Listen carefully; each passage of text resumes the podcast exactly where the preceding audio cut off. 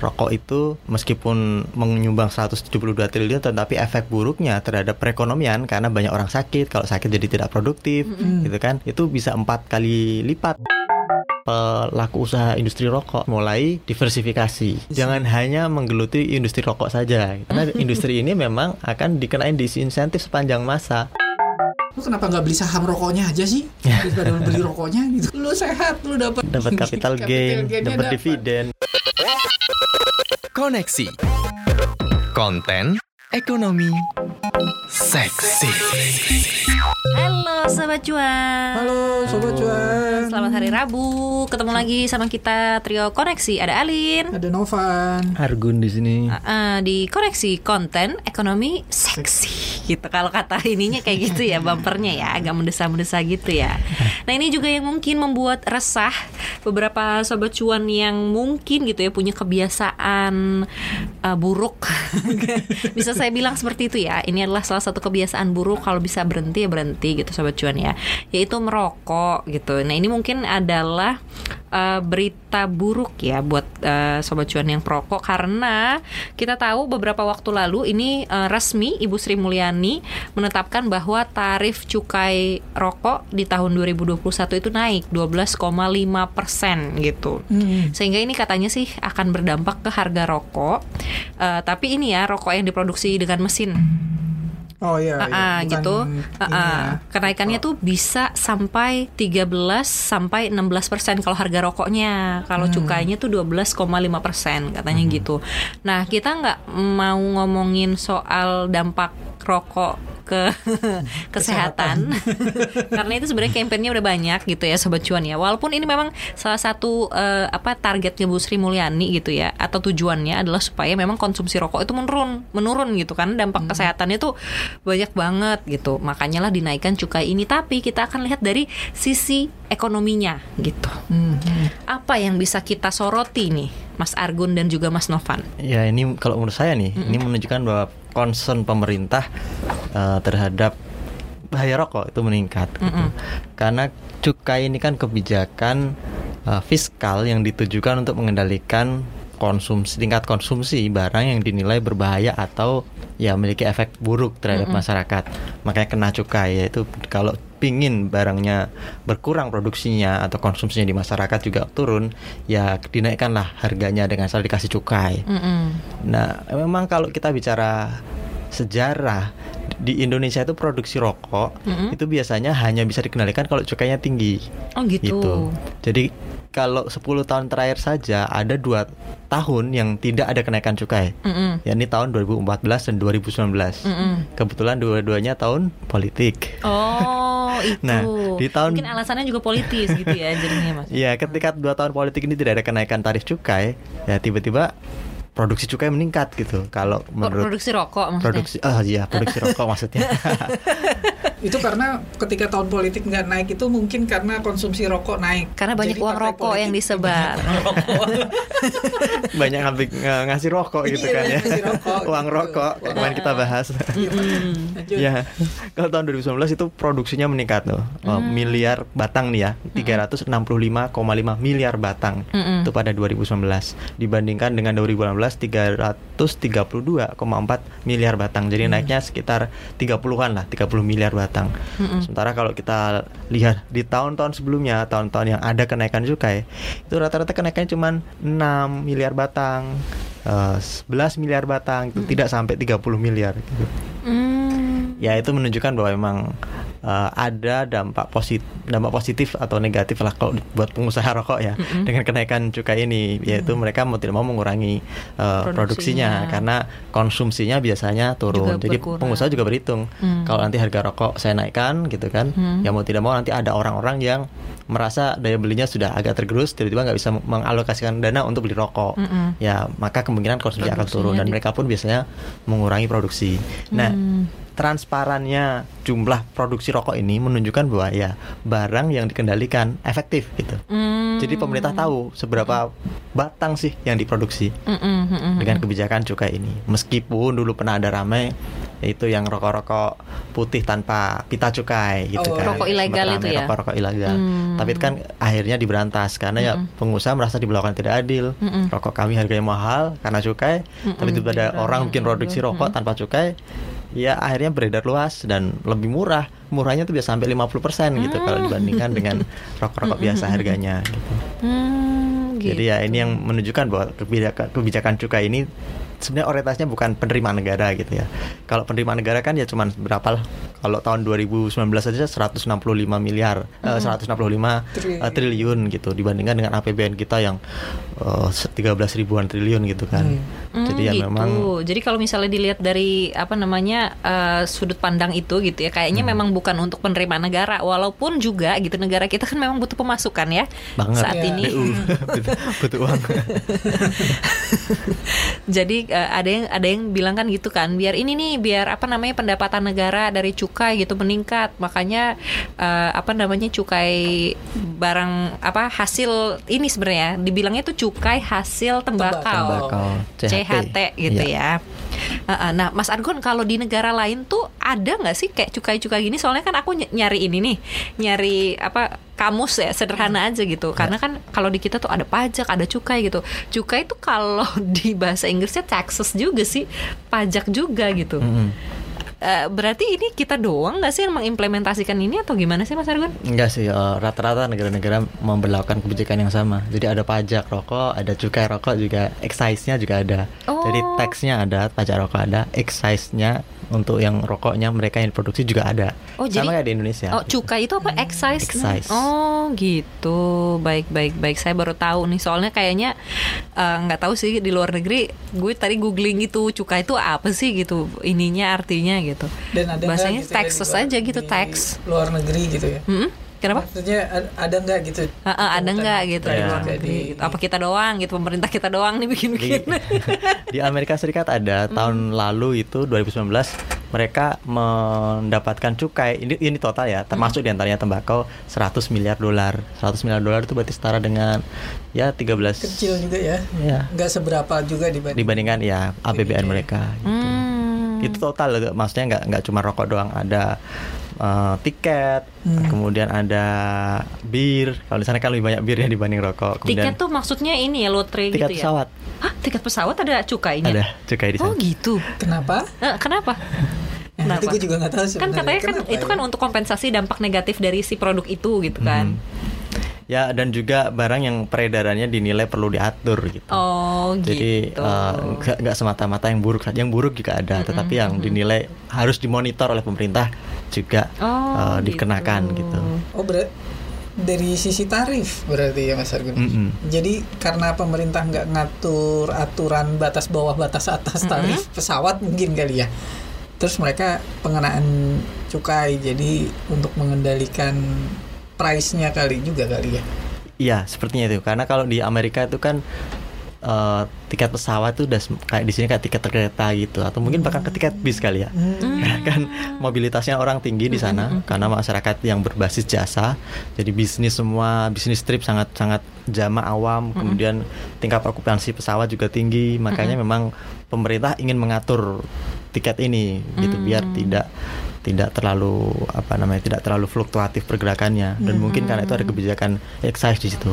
Makanya di sana ada excise-nya nggak cuma tiket pesawat tapi juga eh, motor fuel Oh iya. BBM. BBM terus apa oh, apa- kalau masyarakat kita udah demo tuh kan BBM ada cukainya kan naik Cuman dikit aja udah ba- demo bagusnya di sana kalau BBM-nya itu setahu saya itu ada komponen yang disisihkan untuk renewable energy Iya. gitu. Jadi kayak pajak lu dipajakin ekstra, tapi duitnya dipakai untuk ngebangun yang bagus ya Oh. energi bersih gitu. Komponen harga BBM di Indonesia itu juga ada pajak-pajaknya kan ya. Maksudnya ada pajak pajak pajak BBM itu juga ada pembentukan harga BBM tuh kalau nggak salah juga salah satunya ada Komponennya beberapa gitu komponennya adalah ada pajak-pajaknya pajak. juga Hmm. gitu. Jadi katanya kenapa harga BBM di Indonesia itu lebih tinggi dibandingkan harga Harga tetangga, minyak dunia gitu.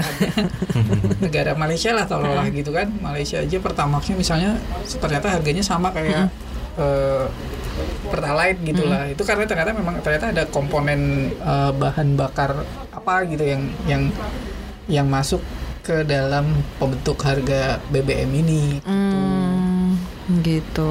Terus tadi apa aja tuh? Tiket pesawat, rokok, minuman, Ya, kemudian alkohol. juga uh, fuel gitu atau BBM. Terus Mm-mm. ada lagi Ya, nggak mas yang di Amerika dicukaikan? ya, yang setahu saya itu sih eh, ada tiket pesawat, BBM, tembakau, alkohol, sama barang-barang yang terkait dengan eh, good and services gitu, Eh, ya, eh, yang mempengaruhi kesehatan. oh gitu. Jadi kalau misalnya di sana kan ada beberapa negara bagian yang eh, misalnya weed dalam tingkat tertentu, ganja yang kadar tertentu masih diizinkan. Mungkin hal seperti ini yang juga dikenakan masuk di pos ini, He- health health related goods and services. yang kena cukai ini gitu Yap. ya. Tapi memang selama ini kan tadi penerimaan negara ternyata tidak signifikan juga gitu ya Mas Iya. ya kalau dari cukai gitu ya. Eh, itu hanya cukai rokok aja atau overall kan ada apa minuman beralkohol Iya. juga gitu kan ya. Kalau di total itu penerimaan cukai kita sekitar 200-an tr- triliun, 210, 220 ya gitu. Kisarannya itu 200 sampai 220-an triliun. Eh, sementara komponen yang terbesar dari itu ya cukainya dari rokok. Kemarin kita bahas minol kan kecil Iya. tuh cukainya. Kemudian ya ada bea materai di situ masuk di penerimaan Mm. eh, eh bea materai masuk guys. Eh, enggak enggak bukan dia enggak masuk. Bukan cukai. Saya ingat itu. Saya sempat mikir ya. materai itu dicukain juga. ya. Nah, dari situ mm, kelihatan bahwa memang kalau ngomongin penerimaan belum banyak gitu. Kita bukan negara yang tingkat konsumsi barang-barang ini sangat-sangat tinggi seperti di Cina. Meskipun kita pernah rame ya ada di YouTube kan anak kecil ngerokok balita yang kemudian harus diterapi itu kan. Mm-mm. Ah, Rame dunia. Tetapi sebenarnya kalau kita bicara produsen terbesar itu Indonesia belum ada apa-apanya. Oh gitu. Cina yang terbesar. Mm. Cina. Konsumen terbesarnya juga Produksi produsen dan ya, konsumsi. produksi dan konsumsinya yang terbesar di Cina. Oh, karena memang orangnya juga lebih banyak ya. Iya. Maka polusinya mungkin bukan cuma polusi batu bara. di Cina itu. eh tapi iya sih, soalnya Beijing tuh. rokok. Jadi gue sempet ke Beijing dan itu gue ngerasa udaranya tuh emang jelek banget, jelek banget. Dan itu waktu itu pas ke sana dia bilang, oh ini masih mending langitnya, Iya, masih kelihatan. masih kelihatan. Karena sempat ada apa Olimpiade ya atau apa gitu. Yang Iya. si Jinping tuh minta pabrik-pabrik di sekitaran Berhenti. Beijing berhenti. Dia Iya. bilang gitu. Hmm. Biasanya dia bilang gitu. Itu abu-abu, lu nggak akan sama sekali ngelihat langit biru di Beijing. Dia bilang. Hmm. Gitu deh pokoknya. Ya Iya, gue nggak bisa bayangin. Mostly sih. karena memang uh, coal sih ya, kalau nggak salah. Hmm. Coal ya. Ini memang mostly karena coal sih. Jadi kualitas udaranya nggak bagus. Jadi yang rokok ini pembangkit. lebih ini Bukan lagi ya orang-orangnya. asapnya lebih besar gitu ya Mungkin Aling lihatnya di samping orang rokok gitu jadi. enggak beneran itu kalau kalau sobat cuan mikir Jakarta tuh aduh polusi banget nih Jakarta gini-gini aduh lu ke Beijing deh. Tuh debu tuh aduh. Gua pusing gua ngeliatnya ya udahlah. Tapi kalau konsumsi rokok sendiri setelah misalnya cukai ini naik, tadi kan Mas Argo bilang eh, mengerem pertumbuhan ya. Mm-mm. Jadi dia tetap ada kenaikan, Mm-mm. tapi nggak signifikan kan. Ya. Artinya tetap ada kenaikan eh, konsumsi rokok, Mm-mm. tapi nggak signifikan ketika eh, Tidak ada- dinaikin tidak cukainya. dinaikkan gitu kan. Ya. Makanya tiap tahun mungkin ada ada cukai rokok tuh selalu ditinjau, selalu jadi perbincangan hangat di dunia industri dan pasar modal Mm-mm. juga gitu kan karena Mm-mm. beberapa emiten di situ. Nah eh, kemarin gue sempat lihat ternyata sebenarnya nggak nggak terlalu mempengaruhi permintaan orang rok merokok. Jadi katanya tuh kenaikan cukai rokok ini hanya berpengaruh ke produksinya aja terhadap? Tingkat konsumsi. tingkat konsumsi. konsumsi. jadi, dengan kata orang- lain kalaupun dinaikin juga tetap dibeli tuh sama Iya, masyarakat mau berapapun jadi per batang itu Uh-uh. itu naiknya kisarannya cuma angkanya ratusan rupiah per Ah, batang ah-ah. kan kadang kita belinya eh, Satu bungkus isinya- gitu kan. isinya kita kita kan nggak ngerokok ya orang-orang orang-orang itu kan belinya misalnya satu bungkus gitu kan berarti kalau misalnya naiknya 100 atau 200 rupiah kan dikali 20 12 ya isinya berapa sih dua Dua- Iya 12 ya. Ada yang 12, ya, ada ada yang yang 12, ada empat. yang 20 gitu kan, Hmm. misalnya gitu. Nah itu kan berarti eh, per bungkusnya, per paknya misalnya naiknya bisa berapa ribu gitu kan, ribu. dan itu memang ternyata tidak terlalu hmm, memutuskan orang untuk berhenti merokok Mm-mm. gitu, Hmm. karena ternyata penjualannya si produsen-produsen rokok ini juga masih tumbuh juga Hmm. apa itu karena di ini ya mas ya artinya bebannya itu langsung dibebankan ke konsumen ya Iya. jadi otomatis Pass konsumen yang di bayar pass gitu through kan. ya. Hmm. Saya dikasih tambahan beban ya udah saya bagi ke perokok gitu. Hmm. Eh lu mau ngerokok, ini ada naik ininya.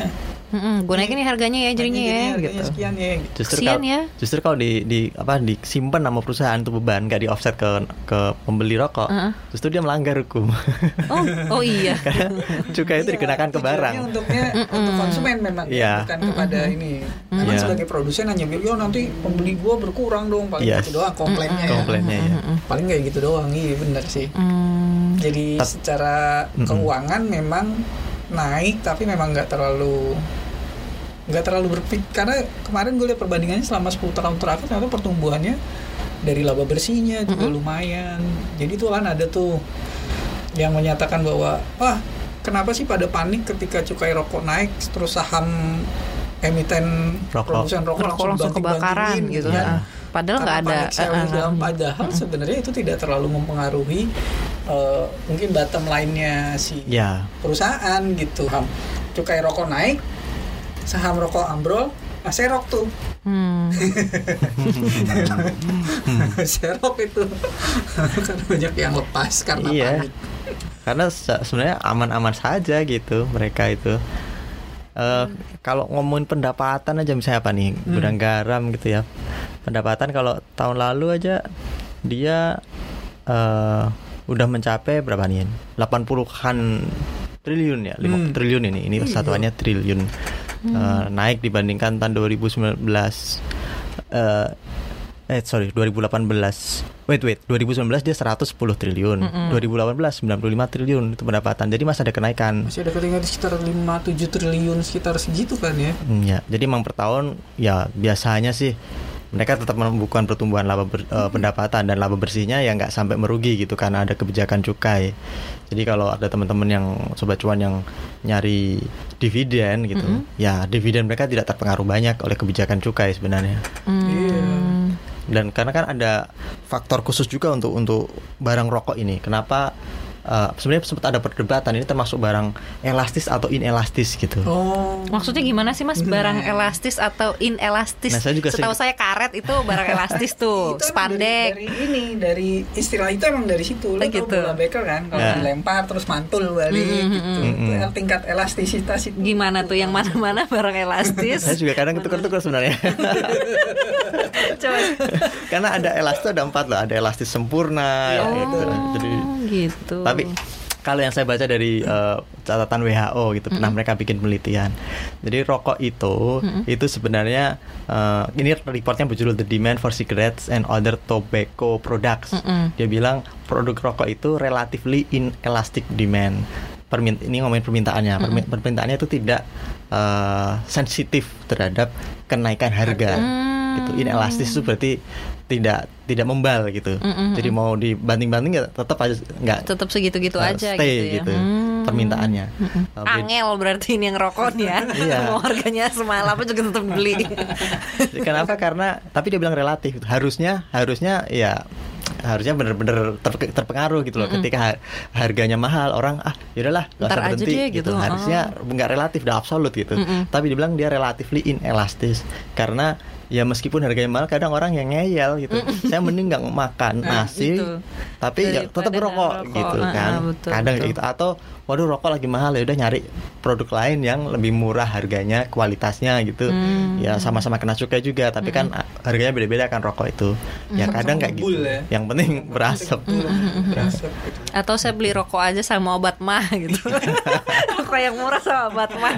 Soalnya uang makannya udah nggak ada, udah habis. iya oh gitu. Jadi eh, itu ya, dia tidak terpengaruhi eh, oleh harga gitu. ya jadi relatif tidak terpengaruh. Harusnya sih terpengaruh ketika harga dinaikkan dengan kebijakan cukai.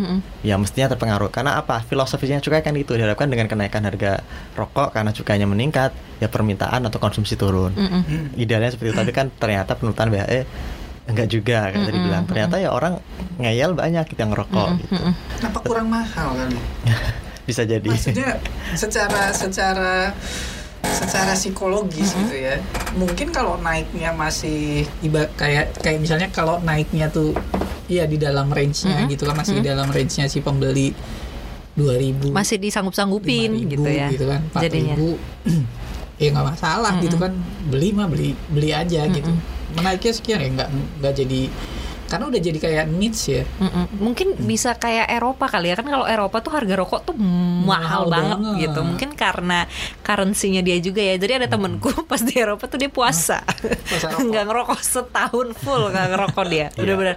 Karena ya itu gitu harga rokok itu mahal banget dan bahkan juga apa orang-orang yang ngerokok di sana gitu ya eh, orang-orang yang bener-bener uangnya ada gitu uangnya banyak atau ya patungan gitu jadinya anak-anak sana gitu Kalau lagi balik ke Indonesia pulangnya Heeh. belanja isi tasnya. isi tas rokok di sana didistribusikan dengan harga yang lebih mahal gitu. Itu peluang bisnis juga sih buat anak-anak Indonesia yang di luar negeri gitu. tapi mungkin memang di luar negeri memang premium banget memang ter- tergolong barang premium juga rokok itu berarti ya sebenarnya ya karena memang ya kayak cerutu sigara segala macam itu kan juga juga tergan tergolong barang barang barang mewah gitu kan.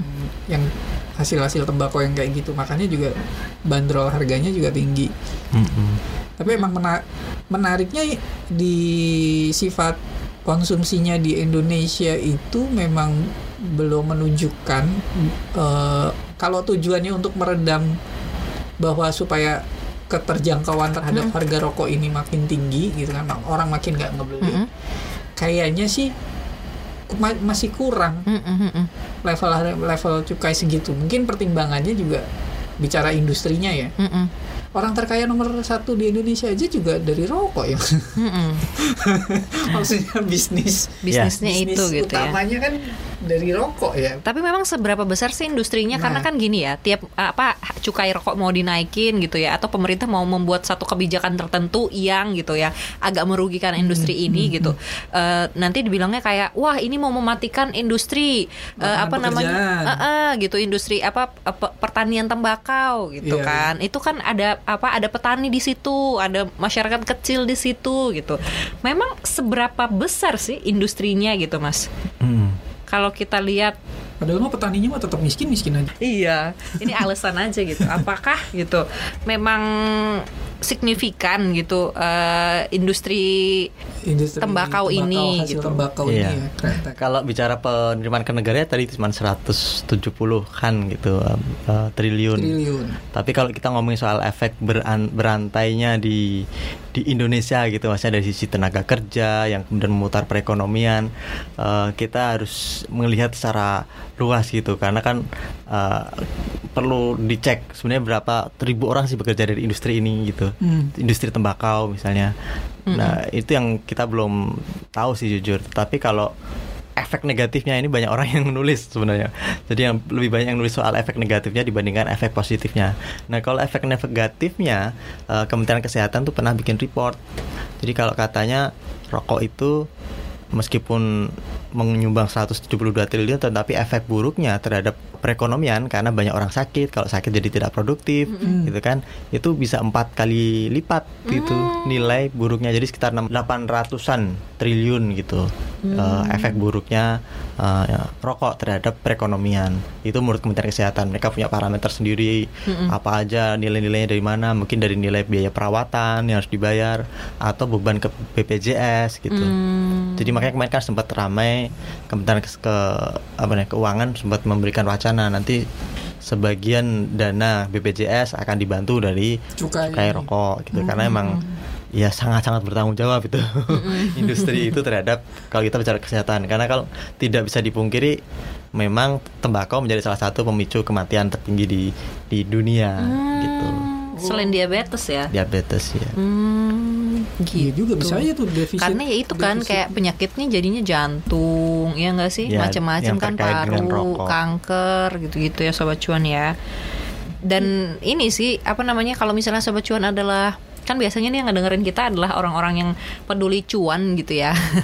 peduli keuntungan gitu. Nah, kalau ini Alin mau ngingetin sekali lagi gitu bahwa kesehatan itu adalah sebenarnya the real wealth is health gitu. Kesehatan itu adalah kekayaan yang sesungguhnya gitu. Karena kalau misalnya lu sehat ya lu nyari duit bisa, nyari pacar bisa gitu kan.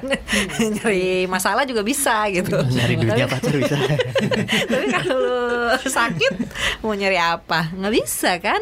Iya, se- sebenarnya kalau misalnya bicara eh, uang cukai itu yang 170 triliun itu segala macam sebenarnya buat nutupin defisitnya BPJS apa kesehatan juga merem aja orang cuma defisitnya nggak sampai 10 triliun kan tahun Tapi kan depan. ternyata tidak. Berarti kan berarti nggak ke situ kan? Iya. Iya nggak sih? Alokasinya udah ke mana-mana. Heeh. soalnya kayak buat yang lain Heeh, soalnya gue sempet juga uh, baca katanya buat ini, buat apa? Um, iniin gizi, apa namanya masalah kekurangan gizi, Iya, masalah stunting, stunting. ke situ katanya. aduh iya yaudah Ya gitu kita nggak tahu ya cukai rokok itu ke mana gitu. Iya.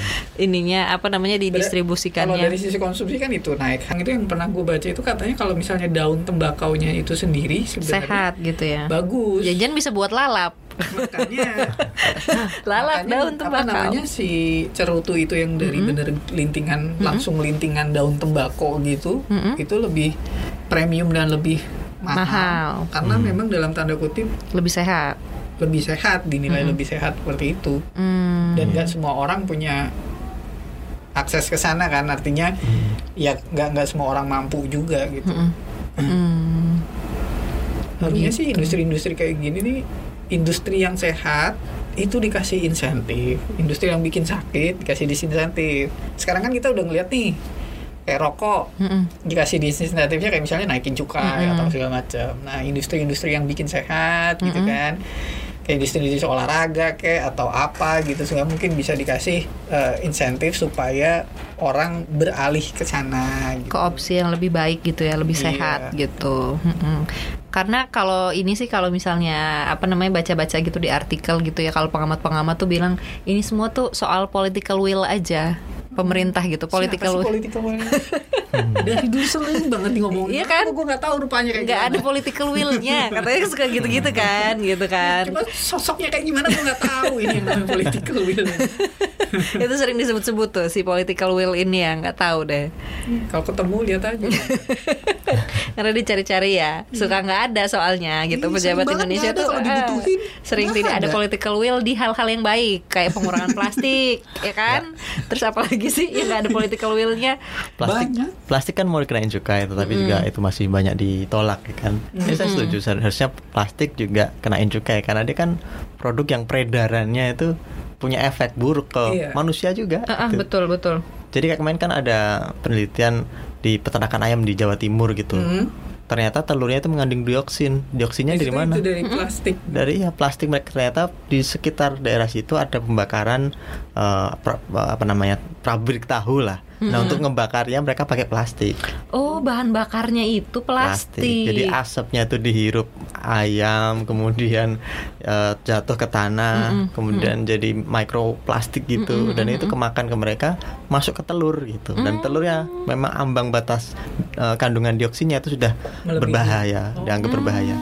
Nah seburuk itulah plastik dan menurut saya harusnya ya nggak cuma rokok juga nih sekarang, harusnya punya teman baru lagi selain bir, ya plastik. Si ini. plastik ini. Meskipun nggak kita makan, tapi plastik itu bisa masuk ke tubuh kita. Mm-mm, betul dan juga ini ya apa namanya penyebarannya gitu si plastik ini tuh masif banget kita beli apa dapat plastik gitu kan Meskipun sekarang di daerah Jakarta itu udah bayar kan. Mm-mm. Ya. Tapi itu kan kalau yang kayak di ini ya kayak apa namanya Minimarket, apa mart apa mart itu kan Ya. gitu apa-apa ini itu mart gitu ya. Tapi kalau misalnya kita ke pasar tradisional masih, Masih gitu plastik masih plastik memang. gitu.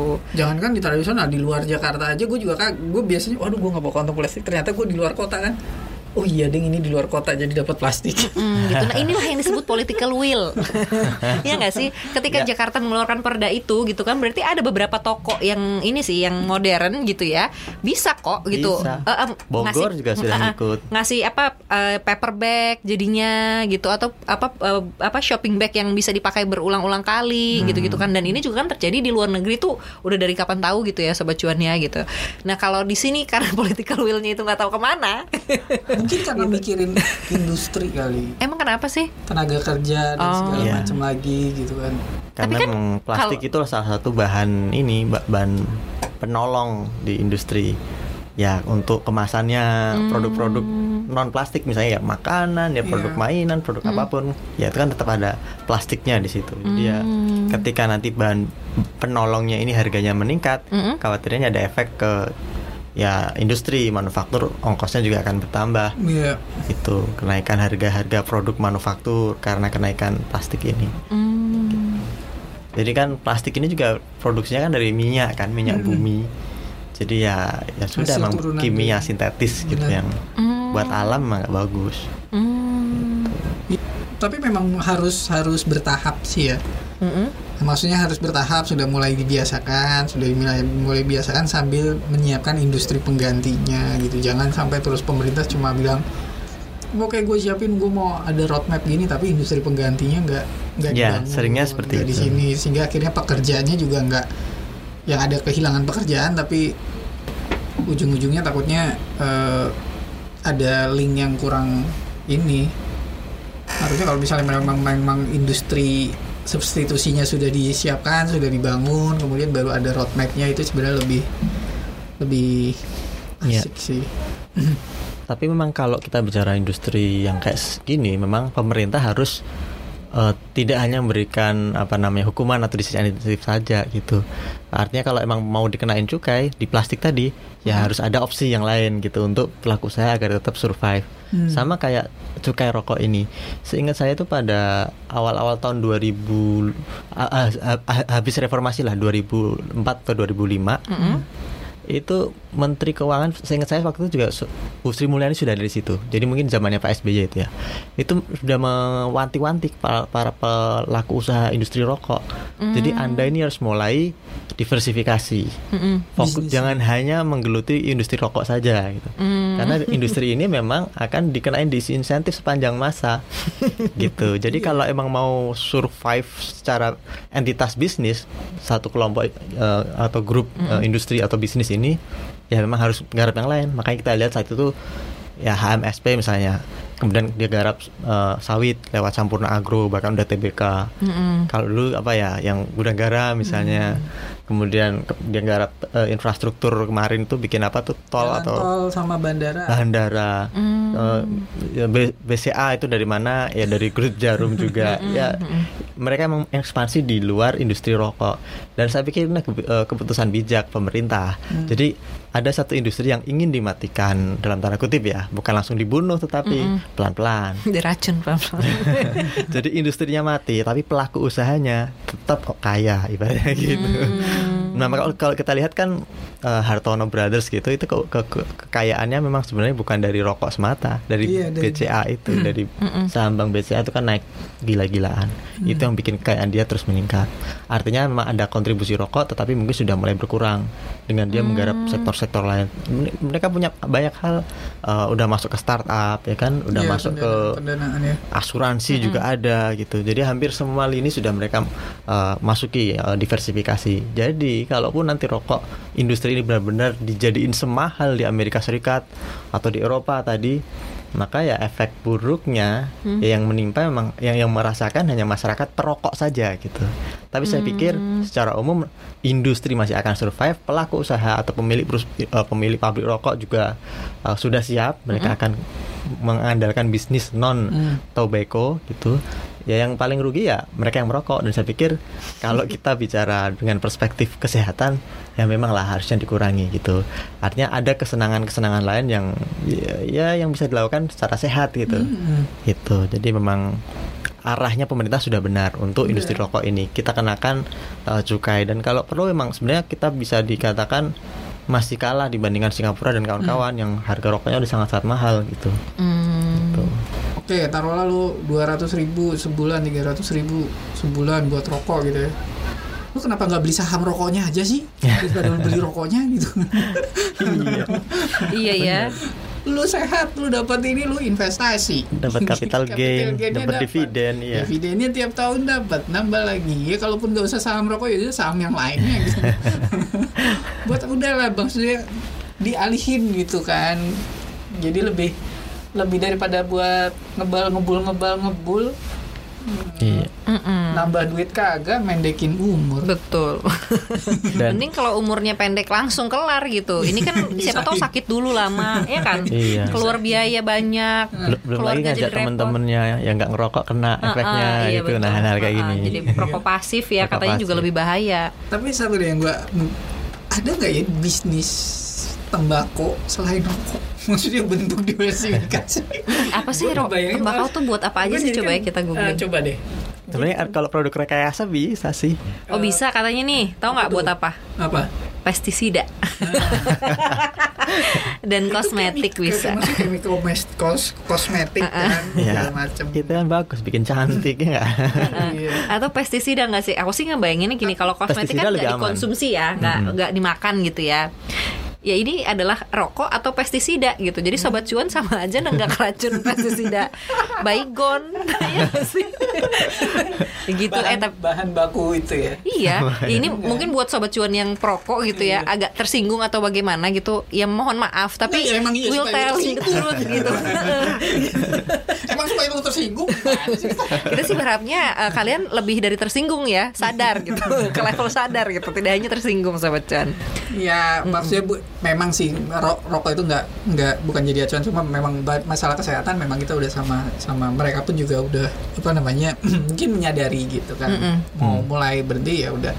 Cuma tadi berpikir kalau misalnya industri tembakonya didiversifikasi gitu kan mungkin juga sudah uh, mungkin ada kali ya pun. Nah yang industri-industri untuk diversifikasi tembakau ini yang mungkin perlu di ini sama pemerintah gitu loh Hmm.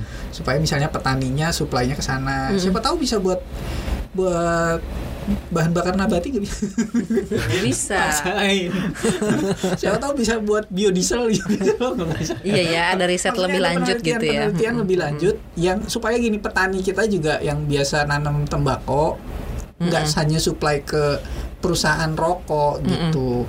Yang kemudian harganya juga kemudian dalam tanda kutip banyak yang Di monopoli. juga. Mm-mm. harganya naik terus tapi kesejahteraan petani tembakau juga nggak terlalu Mm-mm. eh, baik gitu kan. Jadi bisa di set up juga dicari ini oh ternyata petani oh tembakau biasa digunakan untuk ini gitu. Dibangin tuh industrinya jadi petani tembakau punya pilihan oh mendingan supply misalnya buat bahan kosmetik nih gitu kan permintaannya lagi naik atau untuk pestisida gitu. Tapi ya memang kalau industri rokok ini kan memang bukan industri yang sifatnya primer gitu ya, makanan pokok lah Iya. enggak. Maksudnya ini industri yang bisa dibilang apa ya? Mungkin cenderung tersier menurut saya. Konsumen eh, kalau, eh, konsumen nggak terlalu membutuhkannya gitu, tapi kalau yang kalau yang udah adiktif itu kayaknya udah kebutuhan Mas. udah primer ya.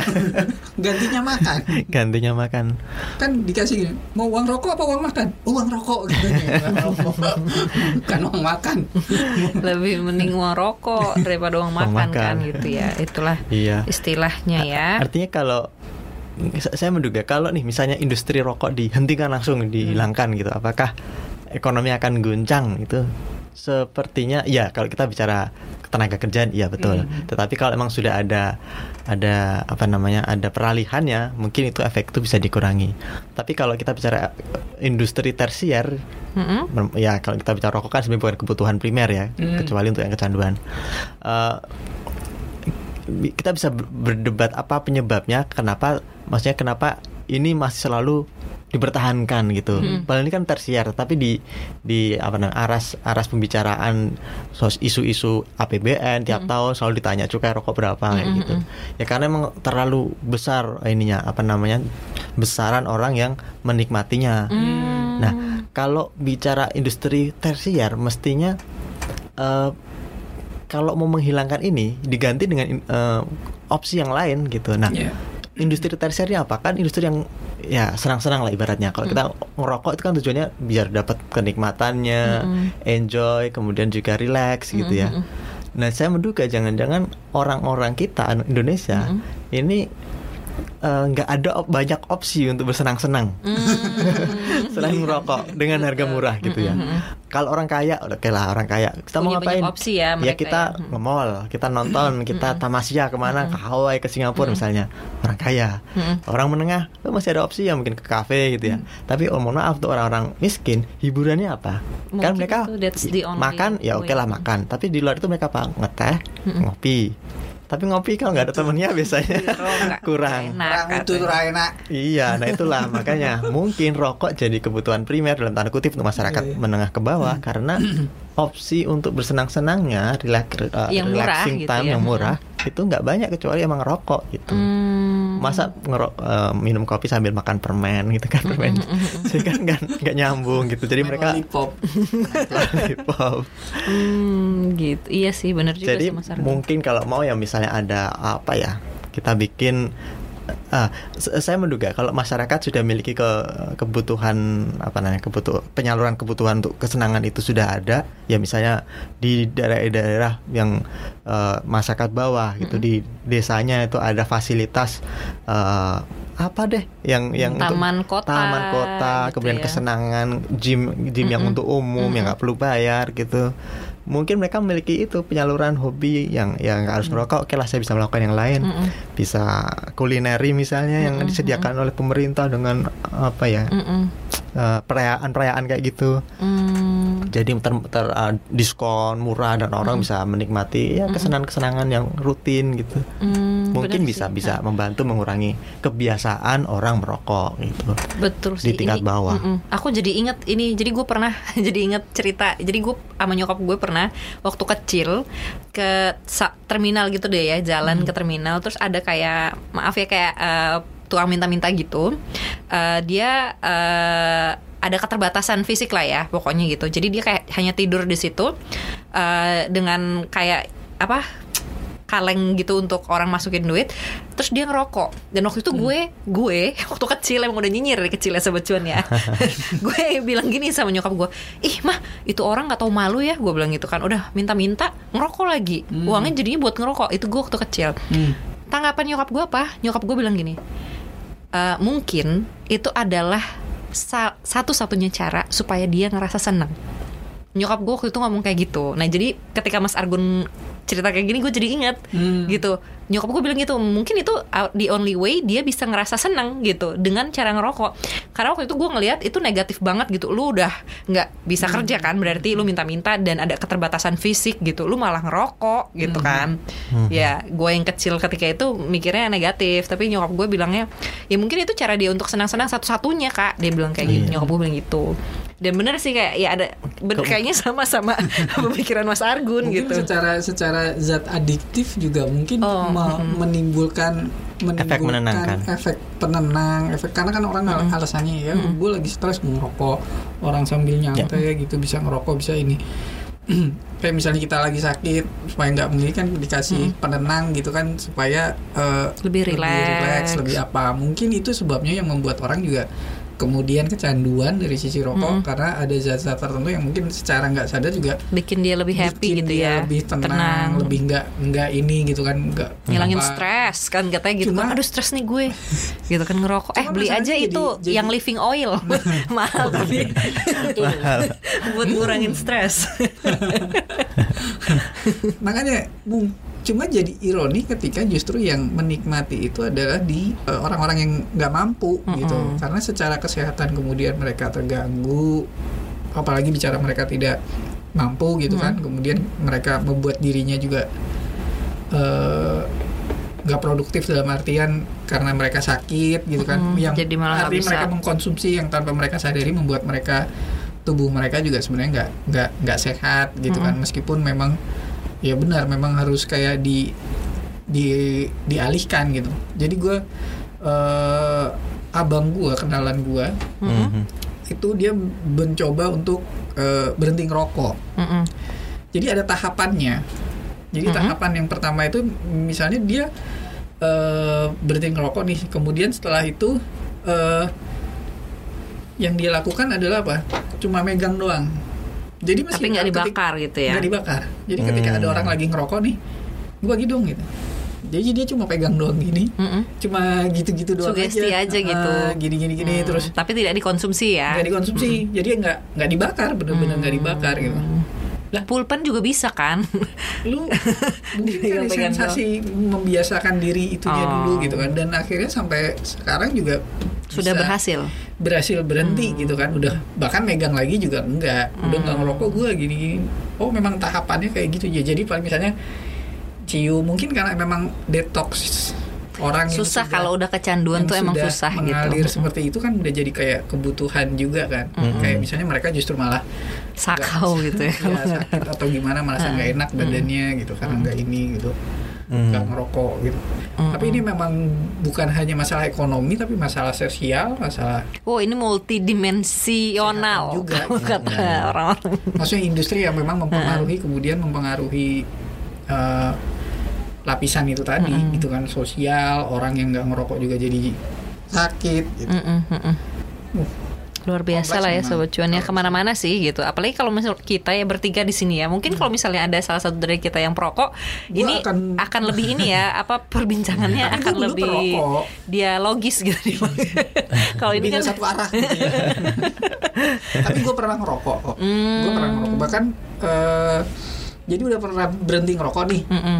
Tadi yang gue bilang di tempat baru gue kerja stres gue ngerokok lu ngerokok jadi? lagi gue Hmm. Ya. tapi ya hanya untuk sekedar eh, bukan bukan relief gitu. Artinya ya gue juga nggak tahu kenapa saat itu berpikir "Ah, Kalau stres ngerokok gitu ya. kan, Ya. segala macam secara secara psikologi akhirnya coba. Tapi ya berhenti juga akhirnya bisa berhenti juga. Terakhir apa yang membuat lu berhenti? Pasti kan ada ada pertimbangan gitu yang ya, membuat lu. artinya self eh, memang dari diri sendiri iya, kan harus ada kemauan kuat ya. sendi- percuma gue gini gue stres Mm-mm.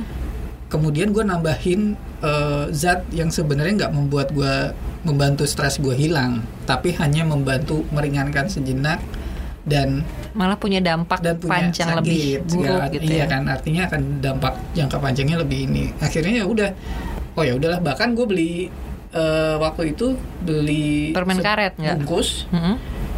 cuma kepake berapa ya tiga apa lima gitu Hmm. maksimal gitu kan Mm-mm. karena merasa bahwa ah karena menyesuaikan diri gitu kan dengan lingkungan pekerjaan yang ternyata lu, luar biasa hebatnya gitu gitu kan. akhirnya ya udah tapi memang harus ya ngapain udah stres ditimpa lagi bahan-bahan yang bikin negatif belum lagi kantong. Mm-mm.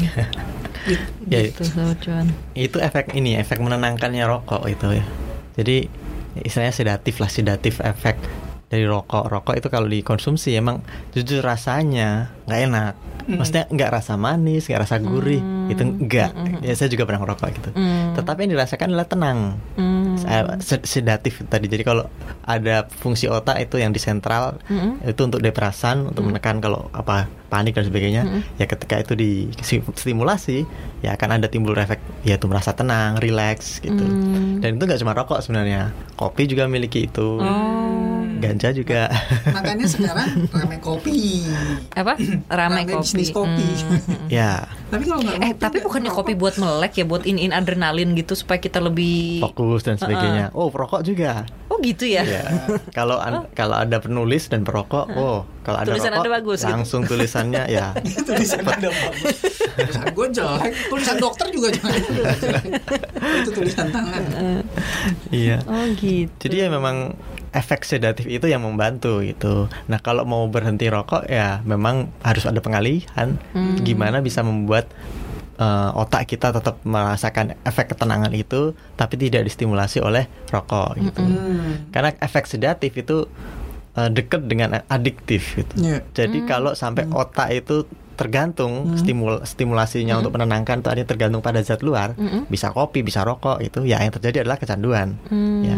Nah kalau kecanduan ya berlebihan ya sudah. Itu udah nggak bagus. Artinya kita akan Nyari kalau- terus gitu ya nyari jadi. terus dan itu udah kalau eh, orang orang bilang ya apa bedanya ng- ngerokok dengan ngopi dengan ngeganja gitu. Jadi, jadi ada penelitian biasanya orang yang yang apa eh, konsumsi ganja itu bi- biasanya perokok dulu Iya, gitu. Ya itu karena mereka udah mulai kecanduan dan tidak bisa mengontrol lagi. Nah kalau mau berhenti ngerokok ya biar nggak lanjut ke mana-mana ya memang pengalihan gitu. Apa yang bikin anda relax? Ya kalau misalnya ada kopi dan itu membantu ya udah banyak-banyak kopi. Memang kemudian pasti sakau sih, pasti ada sok sakaunya. Asem nih bibir gitu kan, pingin rokok sambil ngopi. Tapi ya memang harus dilawan gitu. Apalagi eh, kalau misalnya sudah ada dorongan internal dari apa misalnya tubuh udah mulai menolak. Kan saya juga Oh iya, dulu waktu itu ngerokok dan merasa ketika ngerokok mulai jantung sudah berat gitu, berat kalau napas dan sempat ya kalau pagi misalnya tiba-tiba keluar darah dari gusi kayak gitu. Memang itu terjadi dan saya menduga ini karena rokok dan ketika saya berhenti ya itu semua keluar udah nggak ada lagi gitu. Dan kenapa saya memutuskan berhenti ya karena faktor internal itu udah saatnya berhenti atau kalau enggak lo Dulu ini berhentiin sama rokok. berhenti selamanya. Daripada lu yang berhenti sama rokok, lu berhenti ngerokok gitu kan. ya, cuman ya itu kan ya itu pilihan gitu. Masih ada orang yang ya ngapain juga hidup kalau gitu-gitu doang. Hidup saya harus penuh risiko, penuh tantangan. Iya, ya, kan nah, ada itu kayak gitu. investasi aja deh ya investasi saham itu udah cukup beresiko. Nah itu bisa bikin itu loh bisa bikin kecanduan nanti juga tenang kecanduan ya silahkan kan bagus gitu dapat cuan juga Tapi berarti benar kalau misalnya Mas Argun bilang udah lama misalnya berhenti ngerokok, ketika mulai ngerokok lagi itu tubuh itu melawan. Hmm. Jadi merasa nggak enak. Jadi membiasakan nggak ada rokok, udah nggak ada rokok, udah bersih nih. Ketika kita mulai ngerokok lagi, Betul, itu sebenarnya langsung tubuh kita jadi ngerasa, Hmm. oh ini benda asing lagi. Hmm. Sebenarnya mungkin lebih ke state apa pola pikir kita aja sih, lebih ke apa namanya? Ya mungkin dam- dampak kayak di mulut asem lah, apalah gitu kan.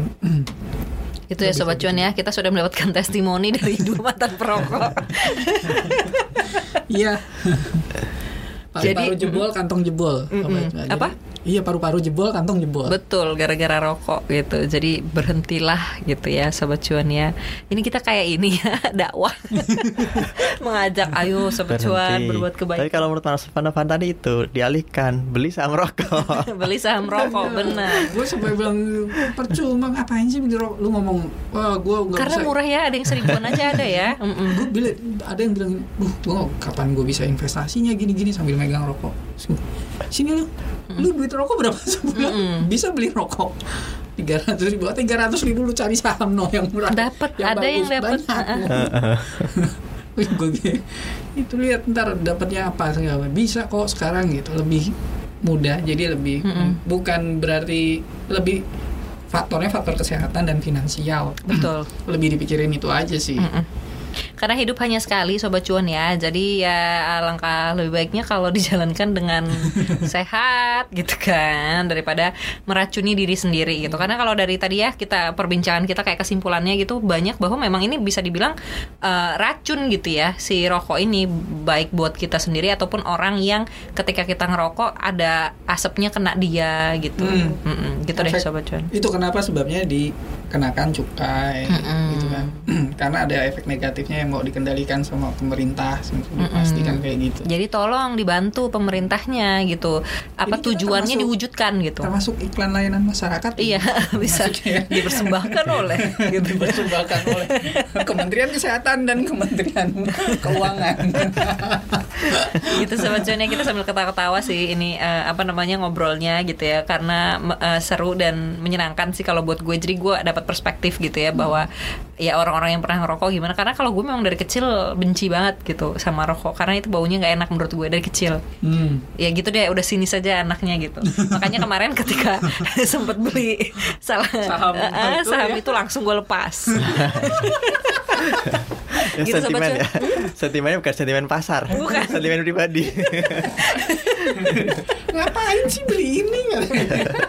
Jadi pas dia udah hijau dikit langsung saya let go. Nah ini kalau misalnya sobat cuan mau tahu gitu ya saham-saham perusahaan rokok mungkin gitu ya mau mengalihkan ke sana gitu ya bisa dicek gitu ya sobat cuan ya di eh, apa namanya kese ya websitenya ya.